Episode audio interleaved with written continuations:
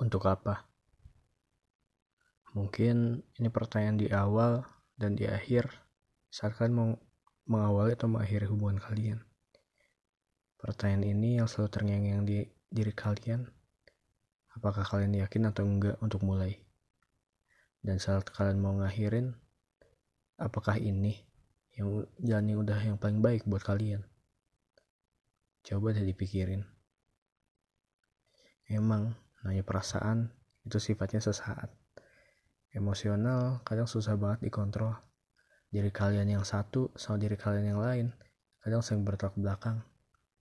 Satu sisi kalian bisa sangat mood banget. Jadi yang super nyenengin bikin orang ketawa bikin orang bahagia.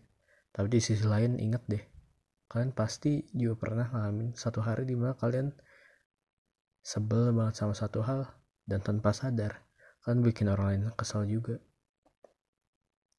Aku yakin tiap dari kalian pernah ngalamin hal yang kayak gini.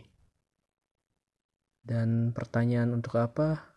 Mungkin perlu kalian jawab sih. Hal yang kayak gini gak bisa disikapin secara emosional.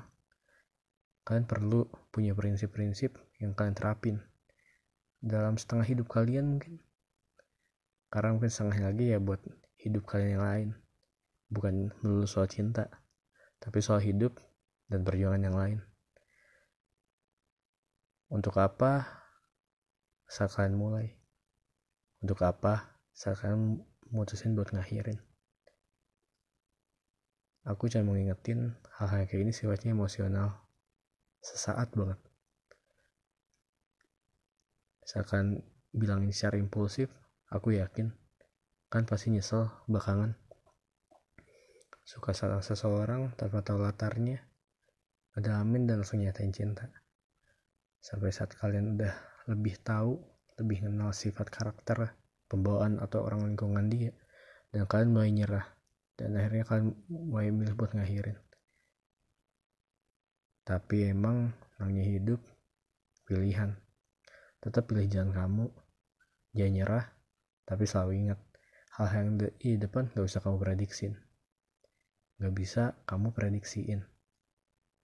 Selalu tegar selalu tabah selalu siap dan jangan lupa buat tetap berani. Jalanin hidup kamu tetap berani. Dapetin tantangan baru dan tetap berani buat terima resiko. Bye